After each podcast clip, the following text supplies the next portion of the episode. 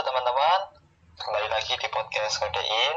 Uh, kali ini episode ke-8 dan kita mendatangkan cutting dari angkatan 2010 ya, masuk 2010. Oke, sebelumnya uh, seperti biasa perkenalkan saya Daru dan bersama saya Diva. ada ya. Oke, mungkin untuk pertama dulu nih Mas boleh memperkenalkan diri mungkin dari nama kemudian angkatan lulusan gitu asal dan sekarang tinggal di mana Oh, Oke. Ya, halo selamat malam. Assalamualaikum warahmatullahi wabarakatuh. Perkenalkan sebelumnya eh, nama saya Ahmad Zubli ya. Eh, Fakultas Seni Rupa dan Desain alumni dari angkatan masuk 2010. Eh, lulusnya di 2017. Eh, untuk asal dari Bogor sebenarnya. Gitu. di Bogor Iya, jadi dulu tuh kontrak di Solo. Terus Oke. sekarang di mana, Mas? Gimana? Sekarang di Bogor lagi. Iya sekarang pulang di Bogor, Oh, pulang iya, iya. balik eh, di Jakarta, ada kerjaan di Jakarta gitu. Oke. Jarang ke Solo, ke Solo terakhir tuh satu tahun setengah yang lalu sebelum COVID gitu. Oh, oke oke. Terus em, mau tanya tentang kuliah nih, Mas. Dulu Masnya Iya kuliahnya gimana tuh? Eh, rajin atau kupu-kupu atau kura-kura gitu, Mas? Kupu-kupu sih? Itu kuliah pulang, kuliah pulang. Kalau kalau kura-kura itu kalau kura-kura kuliah rapat, Mas. Kuliah apa? Kupu-kupu kuliah pulang ya? Ya. Kan gitu juga sih. ya Iya, sekarang Ini jadi nge-rewind ya. 2010 tuh berarti berapa? 11 tahun yang lalu ya? seduru. Eh, Iya. 11 tahun yang lalu semester 1 dulu itu saya masuk ya. Ingat banget tesnya itu tes gambar ya. Nggak tahu sekarang kayak gimana. Ya, portofolio itu, Mas. Beda Ya, kan? dulu tuh tes gambar, ada gambar pohon, kita gambar rumah, dikasih satu HVS kosong gitu kan. Oh. Kemudian kita gambar aja asal-asalan tuh. Asal-asalan, kemudian eh, dosennya bilang, eh pengujinya bilang, habis ini tes IQ, psikotes dan sebagainya. Ya kita gambar aja. Gambar rumah sama gambar pohon tuh asal-asalan. Nggak taunya gambar yang di sebelah tuh udah kayak lukisan. wow realistis gitu ya realistis nggak tahu jurusan SMK dari mana kan mesti bilang padahal tahu gini saya hapus nih padahal itu gambar untuk melihat estetikanya atau untuk psikotes ya kita nggak tahu kita nggak tahu kan? Oh nggak tahu nggak tahu. Iya. Jadi di pertanyaannya apa namanya suruh menggambar gitu kan ada beberapa objek. Eh ternyata kita masuk dulu 2010 tuh angkatannya kalau nggak salah jumlahnya ya 50 orang kalau nggak salah. Menyusut menyusut menyusut. Tapi alhamdulillah saya masuk gitu. Itu awalnya ya. Terus, ya, terus hmm, ya masuklah dunia perkuliahan semester 1, semester 2 ada beberapa mata kuliah yang memang eh, tugasnya banyak ya apalagi interior design, basic ngegambar, fotografi kita bawa alat-alat yang namanya kertas ya kan bukan rapido itu ya masih ada masih dipakai nggak sekarang? Iya, rotring. ya itulah ya. Meja gambar sampai dikontrakan bikin meja gambar sendiri ke tukang mebel gitu pakai lampu di bawahnya gitu oke untuk jiplak ya. Iya tahu masih ada apa enggak tuh sekarang.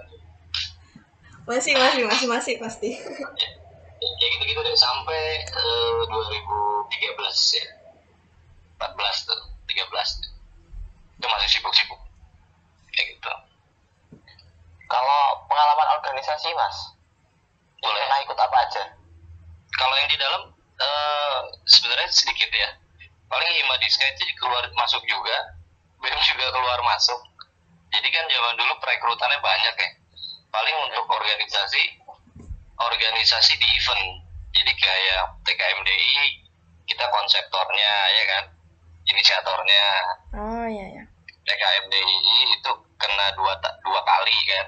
Saya lupa 2000 berapa tuh. Satu di Bandung di Maranatha. Yang satu lagi di mana ya? Saya lupa jadi. Berarti Masnya pokoknya kena TKMDI yang ke ininya, delegasinya?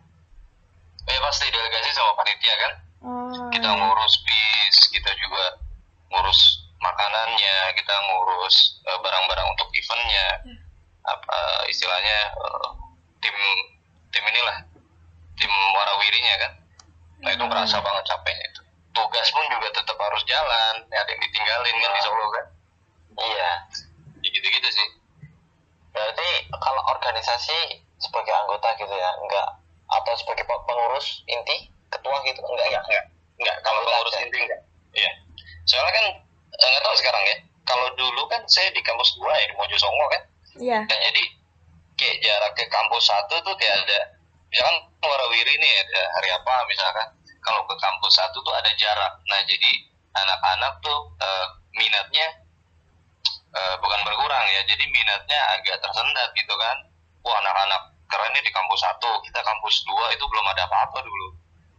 Jadi mungkin kurang lebih kayak gitu. Masih hutan ya? Kalau sekarang udah asik.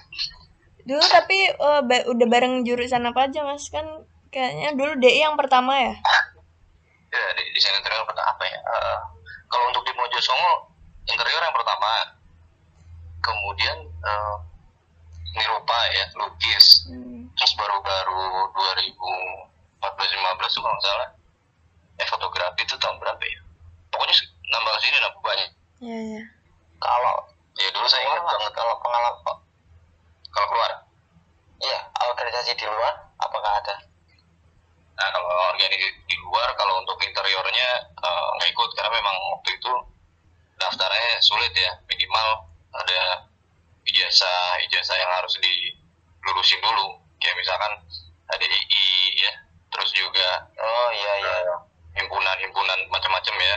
Nah justru Hmm. di luar itu kebanyakan anak-anak calon-calon tugas akhir malah organisasinya di luar eh, jurusan. Ada yang masuk ke perkumpulan fotografi ada yang ke jurnalistik ada yang ke ya kayak dulu ada event organizer itu di Ngarsopuro tuh banyak banget event-event. Dulu ada mata hati malah ke seni rupa apa? DRP ya panggung. Nah jadi kayak Iya iya. nyebar anak-anak itu Dulu dosen dosennya gitu yang paling favorit gitu siapa? Dosen paling favorit? Iya yang teringat sampai sekarang mas. Sekarang masih ada pasti ya. Dosen favorit dosen favorit ya Pak Marno Bun Harmi Budian masih ada oh, nggak? Bu Narmi masuk list ya? Iya sekarang masih ngajar. ada. Masih masih mas. masih kok masih. minggu Bu Siti Siti Badria Iya. terbaik baik kalau offline ya. Per- iya. perempuan-perempuan ya. deh perempuan-perempuan aduh lupa namanya siapa. Bu si ya, yang pengajar-pengajar ya. Iya. Eh, Profesor Darsono itu masih ada gak? Masih ngajar gak? Hmm, per- kalau kemarin aku diajar, diajar asisten dosennya Iya, gitu. sekarang- Siapa yang yang yang senior senior sekarang siapa malah coba aku lupa kadang-kadang. yang senior mungkin ya Prof Profesor Darsono itu Pak Fajar, Pak Fajar ya. oke. ya Pak Eko, gitu. Wah baik kok tuh. Speakingnya bagus deh. Iya. kalau presentasi mantap sih Iya kayak berbicara dia bagus. oke Eh, mas dulu waktu kuliah kira-kira eh, itu kuliahnya berapa lama kemudian terus ambil semester akhir akhir itu ambil semester maaf semester akhir ambil skripsi apa tugas akhir gitu. Oke, wah seru nih. Ini diurutin dulu ya biar flashback ya. Ya mas, Apa? silahkan mas. Sejarahnya gitu deh diurutin. 2010 sampai 2014 itu sih udah judul tugas akhir. Judul tugas akhir ya, udah seminar istilahnya. oke udah Ah. udah 2014 udah selesai semua KKN udah magang udah apa namanya kerja profesi ya kalau sekarang Iya ya. 2015 kita antri kan ah ada beberapa dosen yang eh, sibuk menghilang dan muridnya pun menghilang nah itu yang saya bilang tadi ada yang sudah di organisasi luar mereka dapat kerjaan dapat istilahnya dapat fee ya dapat gaji. Ya beberapa kantor swasta ada yang di studio ada yang di PT jadi abis magang tuh malah diambil ambilin sama perusahaan. Nah kalau saya pribadi sama beberapa teman jadinya ngaret. Jadinya mundur.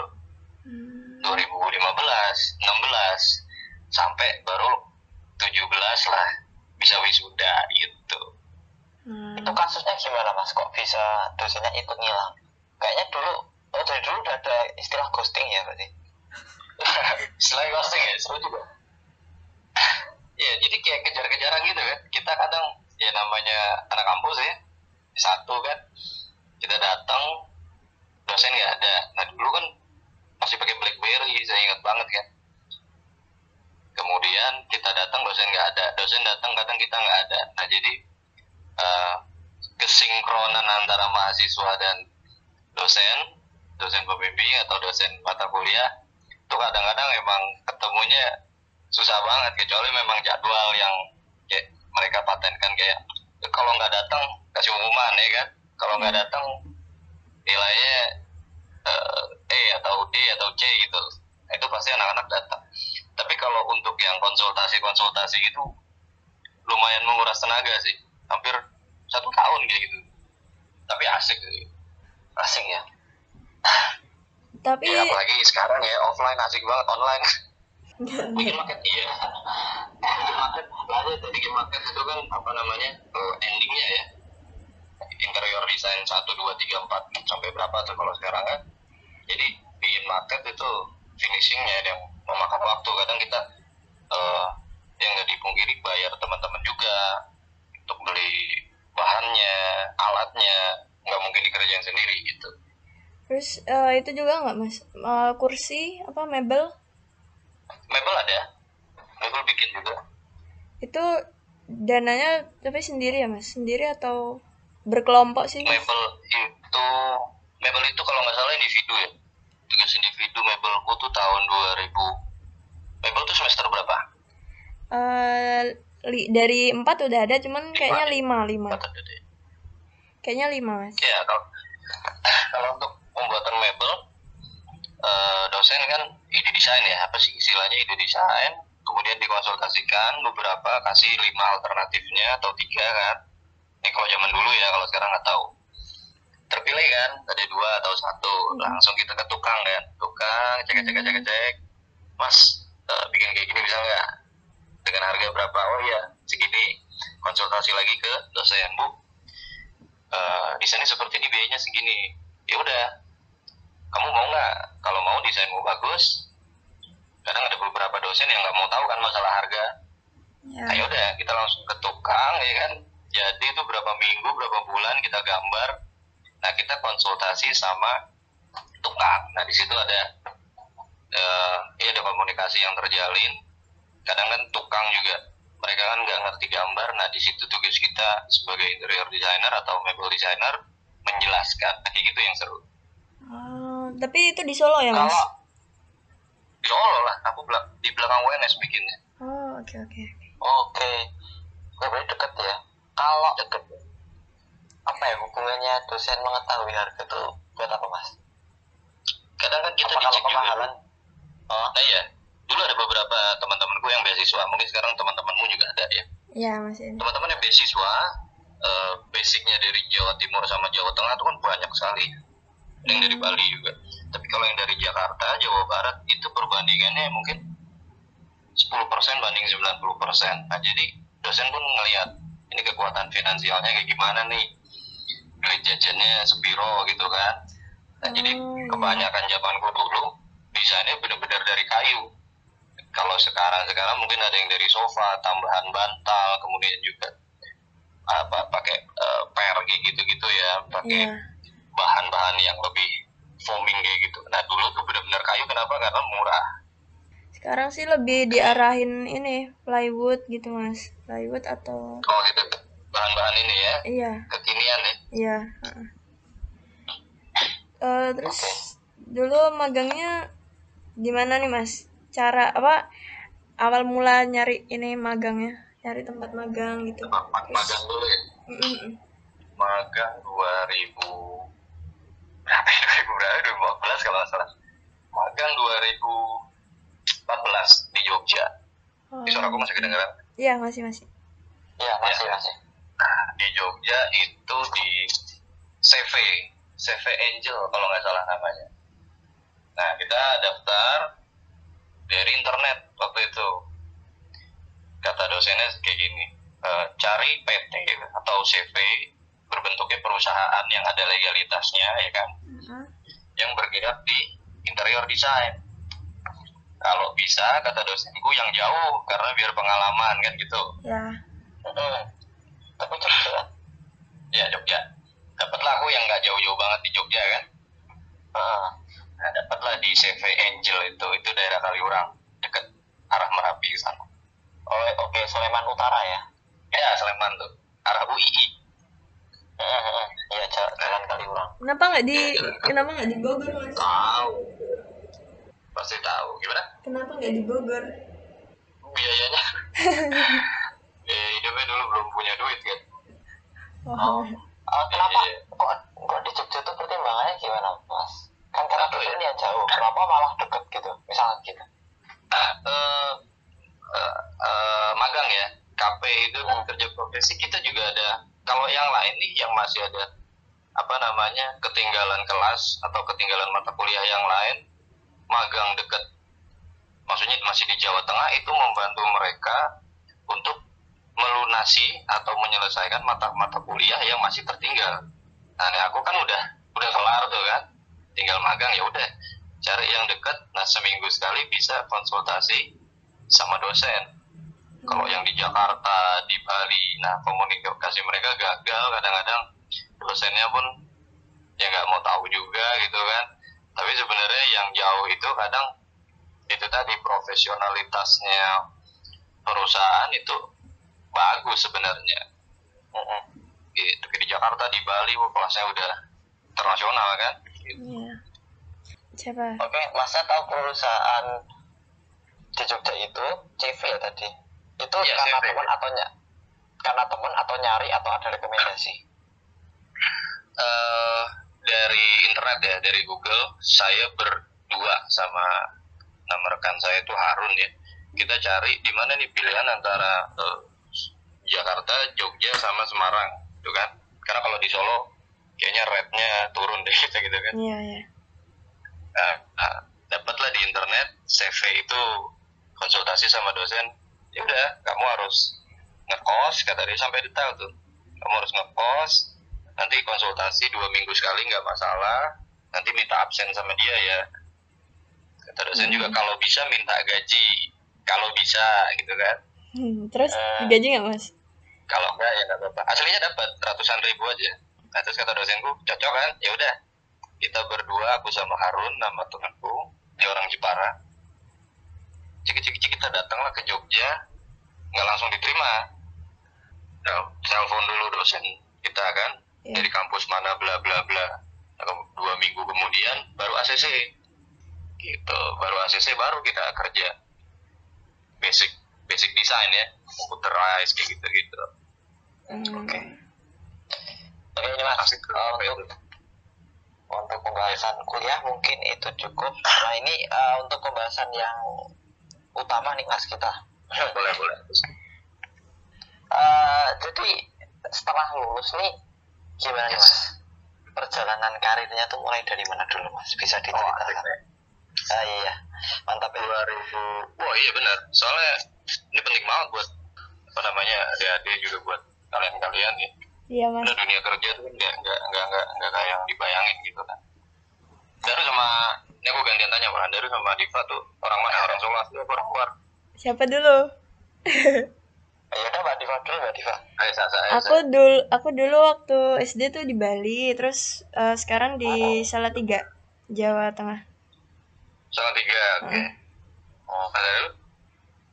Aku aslinya Purworejo Jawa Tengah. Oh SMA.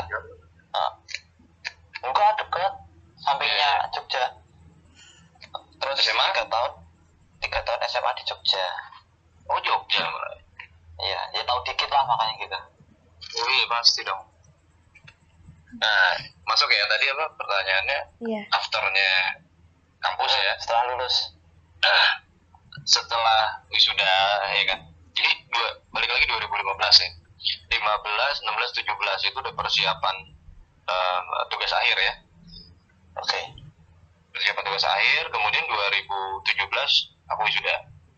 Sebenarnya di 2014 15 16 itu yang aku bilang aku ganti-ganti perusahaan di luar interior.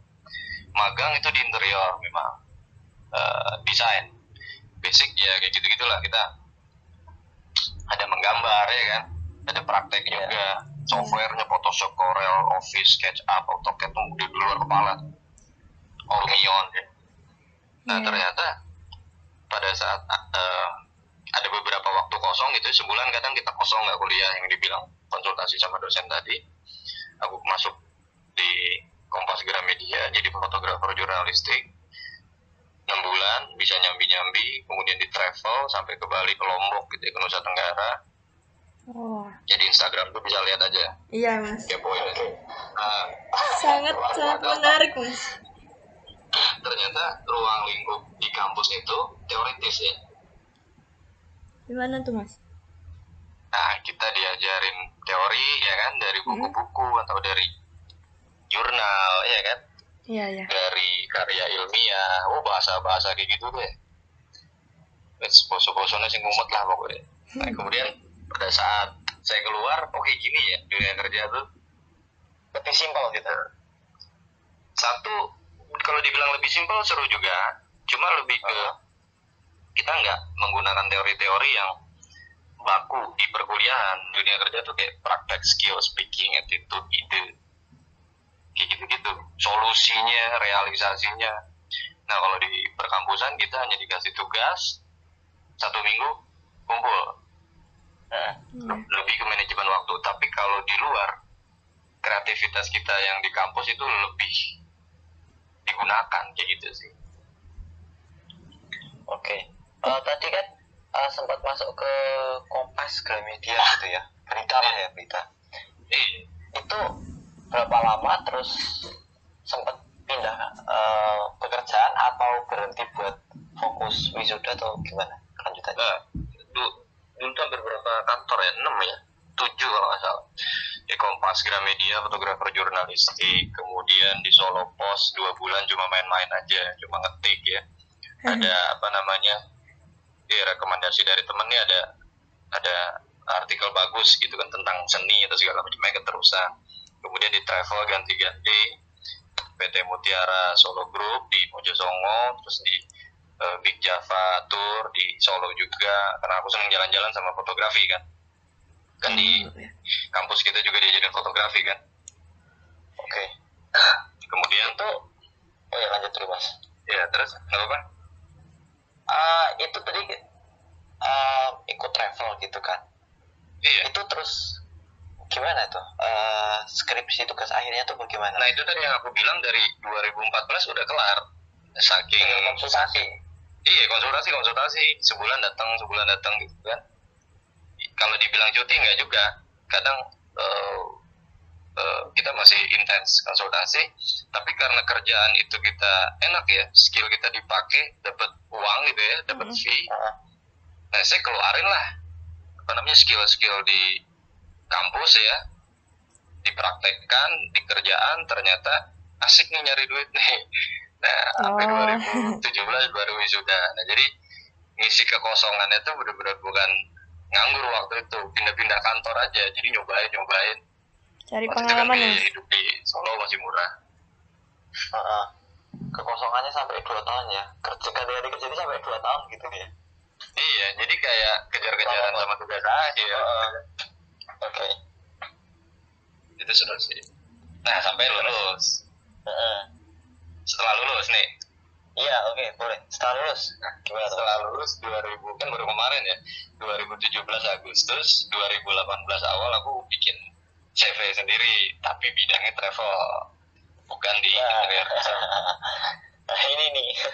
Nah karena apa? Eh bukan kendala ya.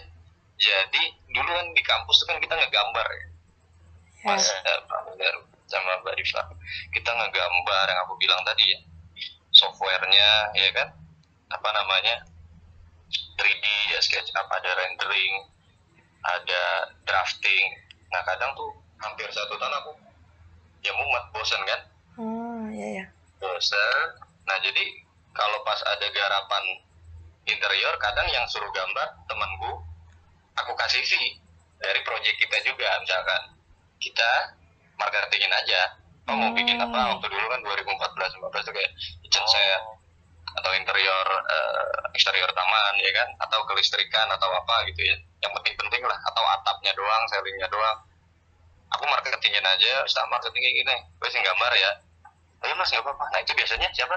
Adik-adik tingkat. Oh. gitu. Hmm. adik-adik tingkat yang mana? Nah adik-adik tingkat yang lagi nungguin tugas akhir juga gitu. Sama-sama mantap. nih. Pemanfaatan sumber daya manusia. Jadi kita kayak ngetim aja kayak ma- bikin market itu kan jutaan ya bro Iya ya.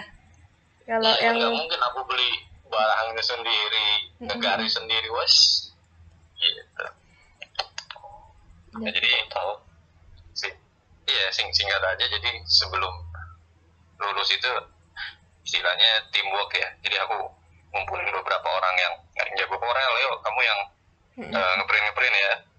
Notasinya jangan salah nah yang drafting ini masuk.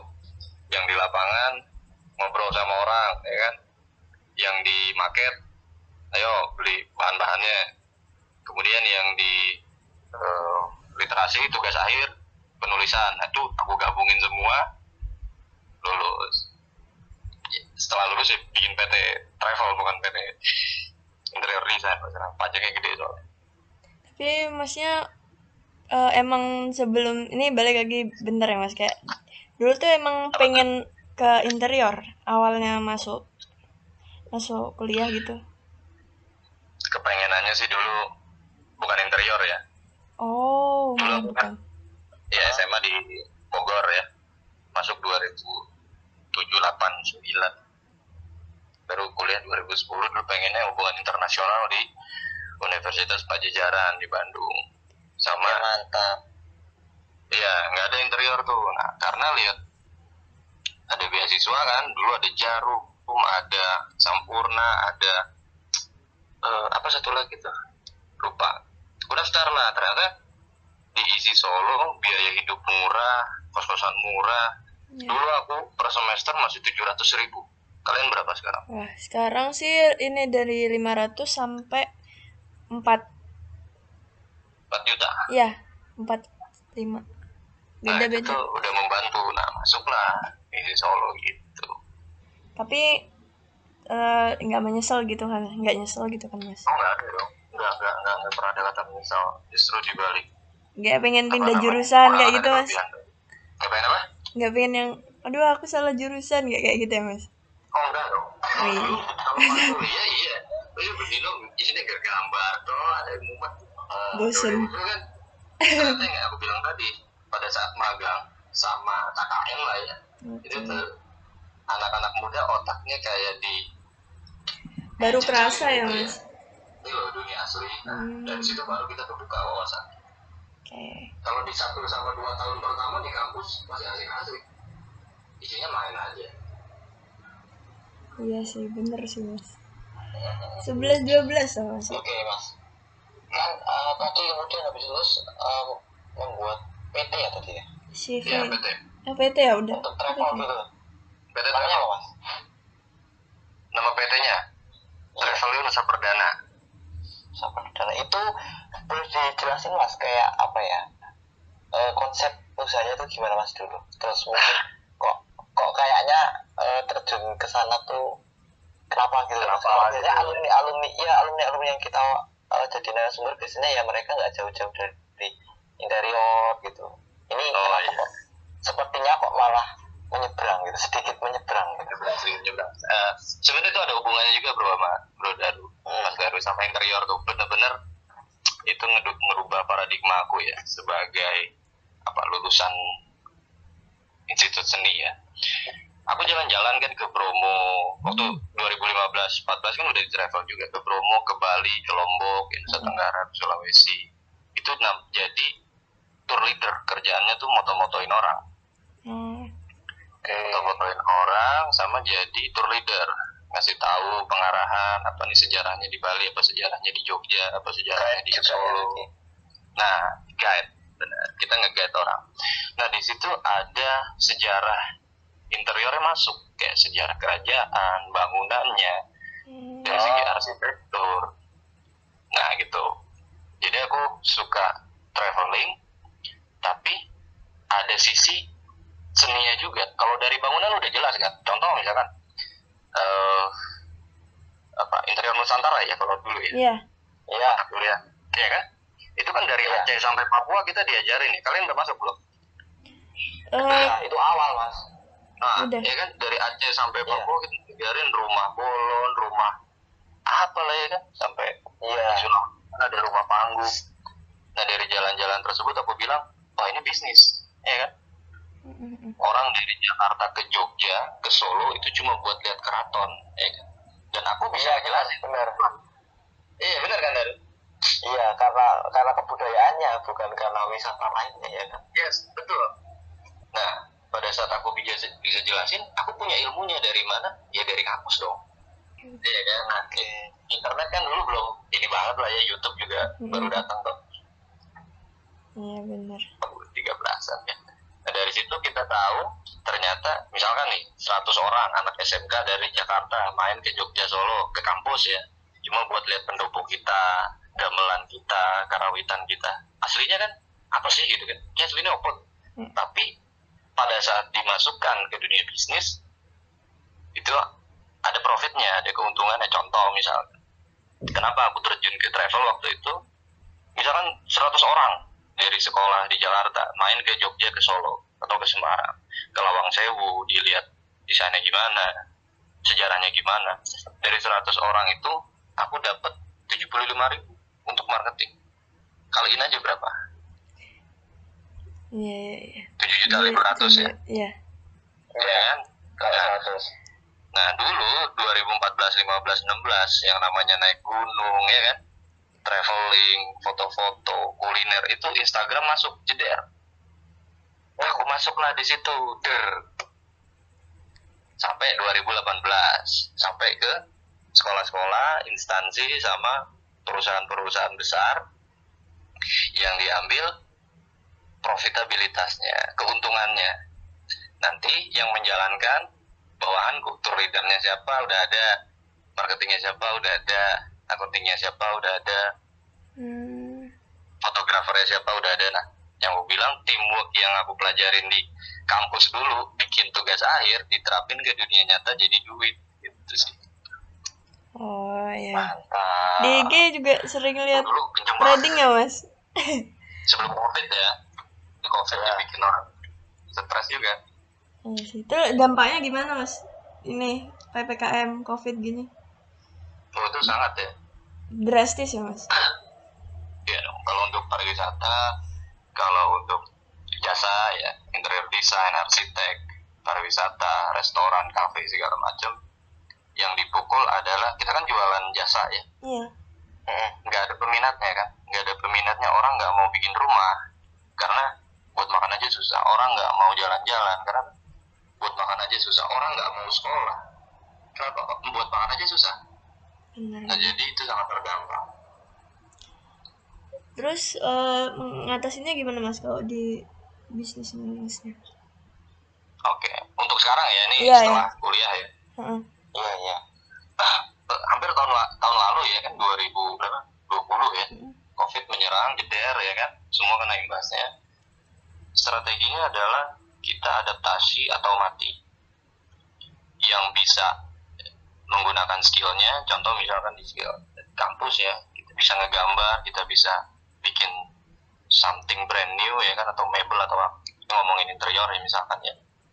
Kita bikin sesuatu yang beda be different dan itu punya brand sendiri. Nah kalau di bidang bisnis lain itu tadi kita harus ngebaca pasar. Kalau kita misalkan aku us desainer apa misalkan interior restoran misalkan ya. Aku Hmm. restoran terus gambarnya. Disuruh desain rumah sakit nggak bisa. Disuruh desain eh, lantai dua bank nggak bisa nggak mau ngambil. Disuruh ngedesain pabrik nggak mau. Terlalu luas katanya budgetnya kurang bla bla bla. Nah itu harus dihindari sebenarnya. Karena klien di luar konsumen konsumen jasa desain kita kita nggak peduli mereka spesialisasi kita apa Iya. yang mereka peduli adalah harganya cocok dan kita harus bisa nah itu yang diterapin solusinya ya adaptasi Tapi masih selamat ya mas maksudnya ini. Sekarang udah udah agak mendingan atau masih susah juga? sekarang Iya. sekarang udah agak mendingan utang-utang udah pada lunas alhamdulillah Aduh, sayang. Kabar yang sangat baik ya. iya Terus untuk sekarang jadi masih megang PT-nya atau atau lagi mengembangkan usaha lain lagi gitu? Nah, ini ba- bagus pertanyaannya nih. Eh, untuk pariwisata, kan Sandiaga Uno bilang ada menteri juga, dia menteri pariwisata kan.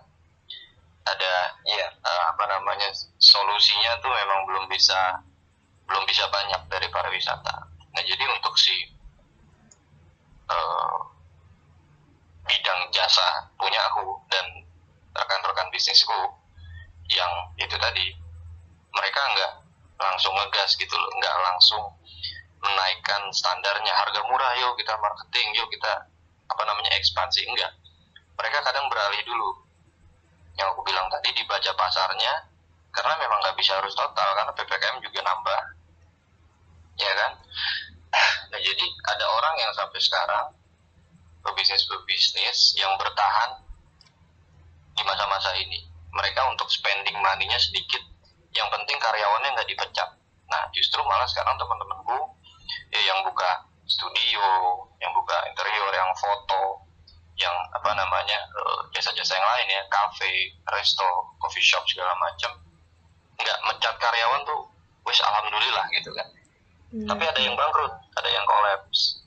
Kenapa? Utang di bank gitu. Karena mereka minjem modal dari bank sebelum covid misalkan sekian ratus juta pada saat covid mereka nggak mampu bayar asetnya disita. Berat sih kalau udah lulus dari kampus.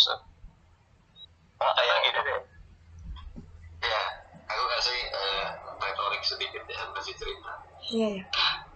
Di kampus tuh kan ada banyak dosen ya dosen A B C D E F G. Mm. kita setiap hari dituntut untuk bangun pagi absen ngerjain tugas ya kan? Iya. kalau misalnya salah cuma dikasih nilai jelek. Ya toh? Kita gambar dikasih nilai jelek kita ngedesain buruk bos. Oh nilainya yang marahin siapa? Dosen kan? Iya. Nah, konsekuensinya adalah kita nggak lulus mata kuliah atau ngaret atau nilainya jelek. Itu konsekuensinya. Tapi pada saat di real business pada saat di dunia nyata setelah lulus di perkuliahan itu nggak ada nilai jelek tapi nama kita yang jelek. Hmm. gitu. Teori sebagus apa pun kalau finishingnya buruk ya hancur kita.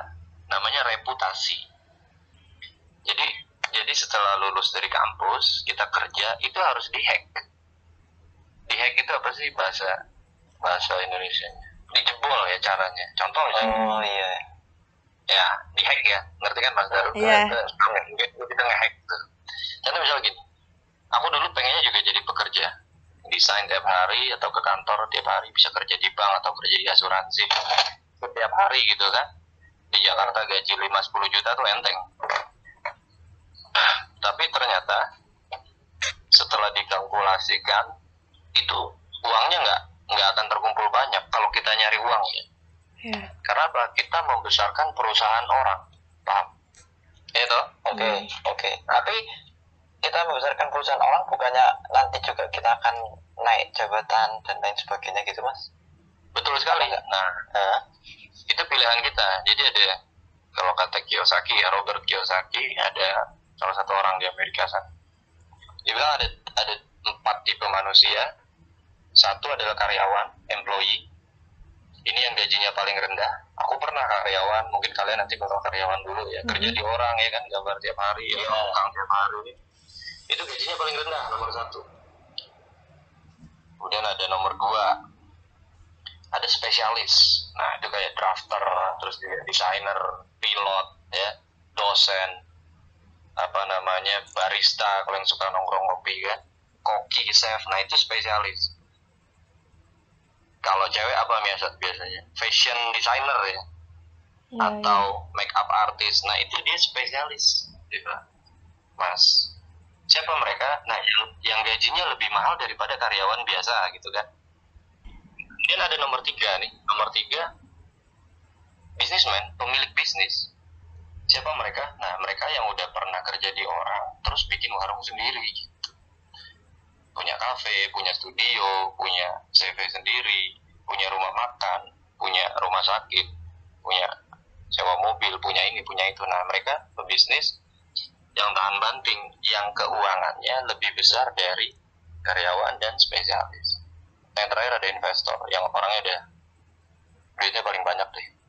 Nah Udah kalian uang masuk yang di bekerja ya Yes, dia udah punya bisnis di mana-mana, tinggal nginvestin duit dia ke perusahaan atau orang lain, duit dia beternak, jadi uang lagi gitu.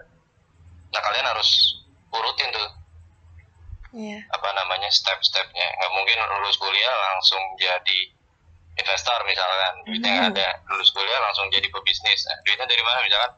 Dari orang tua atau minjem bank, itu bisa aja. Tapi mentalnya harus tahan. Iya sih. Makanya. Karena resiko dan lain hal juga ya dipikirin Yes, juga ya. anak sekarang udah lebih pintar kok. Mbak Daru sama Mbak Dina. Dari internet udah ada, wow, si YouTube di sini sangat-sangat baik. Oke, kita kita mungkin salah ya. Nggak harus nggak harusnya kita nggak podcast ini webinar. Mantap banget sih Mas Mas Dudi banyak ilmu yang kita dapat. Mau podcast aja seru. Kalau ya, ya mandi dulu. Ah, mandi nggak mandi nggak kelihatan. Nggak iya. nggak kelihatan sih. Tapi seru kan? Kayak gitu. Apalagi? Iya. Hmm, Mungkin eh, pertanyaan ultimate yang akan mengakhiri kita nih Mas. Aduh sayang Boleh, boleh. sayang sekali. Eh, jadi untuk pesan-pesan, nah ini nih ultimate banget untuk pesan-pesan buat teman-teman gitu ada Oke. tingkat yang lagi kuliah buat saya juga Mas A gitu. Ada nggak Mas yang mau disampaikan gitu apa gitu? Tips juga boleh. Aku pesan pesan kesan pesan kali. Atau Ya, motivasi. boleh, boleh. Ya boleh boleh mas. Ya kan, eh, kalau kata orang nek jadi wong saiki yo kerja sesuai passion atau ses- sesuai dengan apa hobi ya. Kita dulu nanti kalian tuh ini agak panjang dikit nggak apa-apa ya. Terus seru. Gak apa mas. yang paling penting adalah eh, itu tadi kita suka dulu sama hal tersebut nanti ada kalau di perkuliahan ada magang KKN penjurusan ya dibagi jadi ke mana metode-metode yang dipakai nah dunia perkuliahan itu mengajarkan teori-teori yang harus dipraktekkan di dunia aslinya maksudnya di dunia real di real worldnya kan Iya. speakingnya, skillnya, attitude-nya, ya kan. Nah, mereka itu dunia perkampusan, perkuliahan atau dunia pendidikan akademis itu membentuk mindset, pola pikir, habitnya mereka. Kita dipaksa untuk ngerjain tugas, ya kan. Iya. Ya, tadi kita dipaksa dengan dosen-dosen yang berbeda karakter. Untuk apa? Membentuk mindset. Nah, untuk anak-anak baru atau anak-anak yang mau masuk di universitas, jurusan apa pun, kita lagi bahas di interior design, itu tadi pola pikirnya dan mindsetnya harus mindset eh, yang luar biasa. Jangan mindset ngerjain tugas terus pulang ke kosan. Menurutku itu salah, gitu kan. Dikulik ilmu pengetahuan itu dikulik. Apa yang aku bilang tadi kayak SketchUp, AutoCAD. Kalau sekarang ada Lumion ya, nggak ngerti aku sekarang sekarang tuh banyak sekali aplikasi. Nah itu dikulik. Nah dia nanti akan menjadi spesialis. Yang aku bilang. Bagaimana caranya? Terus menerus, konsisten, komitmen, kreatif, sama 4C itu ada tuh. Eh, komit, konsis, kreatif, sama continue, terus-terusan. Jadi jangan bosan, Oke. Iya iya. iya. jangan bosan apa pun itu. Itu aja sih. Kalau mungkin boleh ah, aku sederhanain, berarti kita kuliah nggak cuma untuk belajar waktu di kampus doang, terus pulang, Yes, betul, betul. tidur atau santai-santai, tapi kita pulang pun tetap harus belajar yang lain gitu. Mungkin yang nggak yang nggak diajarin di kampus, justru kita belajar sendiri gitu lah. Ini ya begitu ya kurang lebih ya. itu aku setuju apalagi eh gue kasih saran buat kalian-kalian yang masih muda ya 20 tahun beda 10 tahun sama. Aku sekarang 29 besok 30 saran aku sih banyak belajar sama yang lebih tua. Apa pun pekerjaan mereka banyak tanya sama dosen banyak tanya sama kayak gini lah kakak tingkat.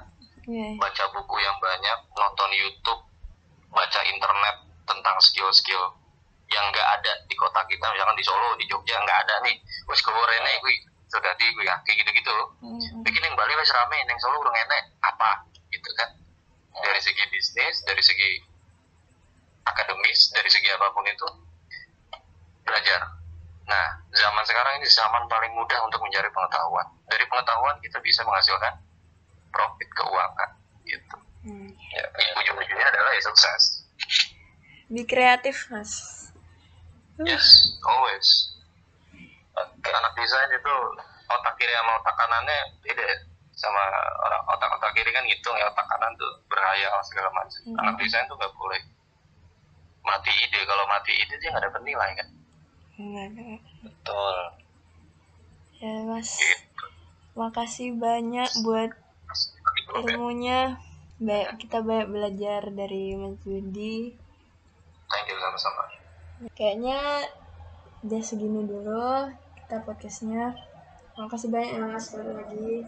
ya sama-sama terima kasih mas Meluangkan saya juga terima waktu. kasih banyak ya sudah di apa lanjutkan untuk bikin podcast ini Yes. yes. Eh, jadi, Oke. oke. Eh, saya Diva Daru dan sama Mas Judi mau pamit buat podcast. Ya nantikan podcast selanjutnya. Bye bye guys.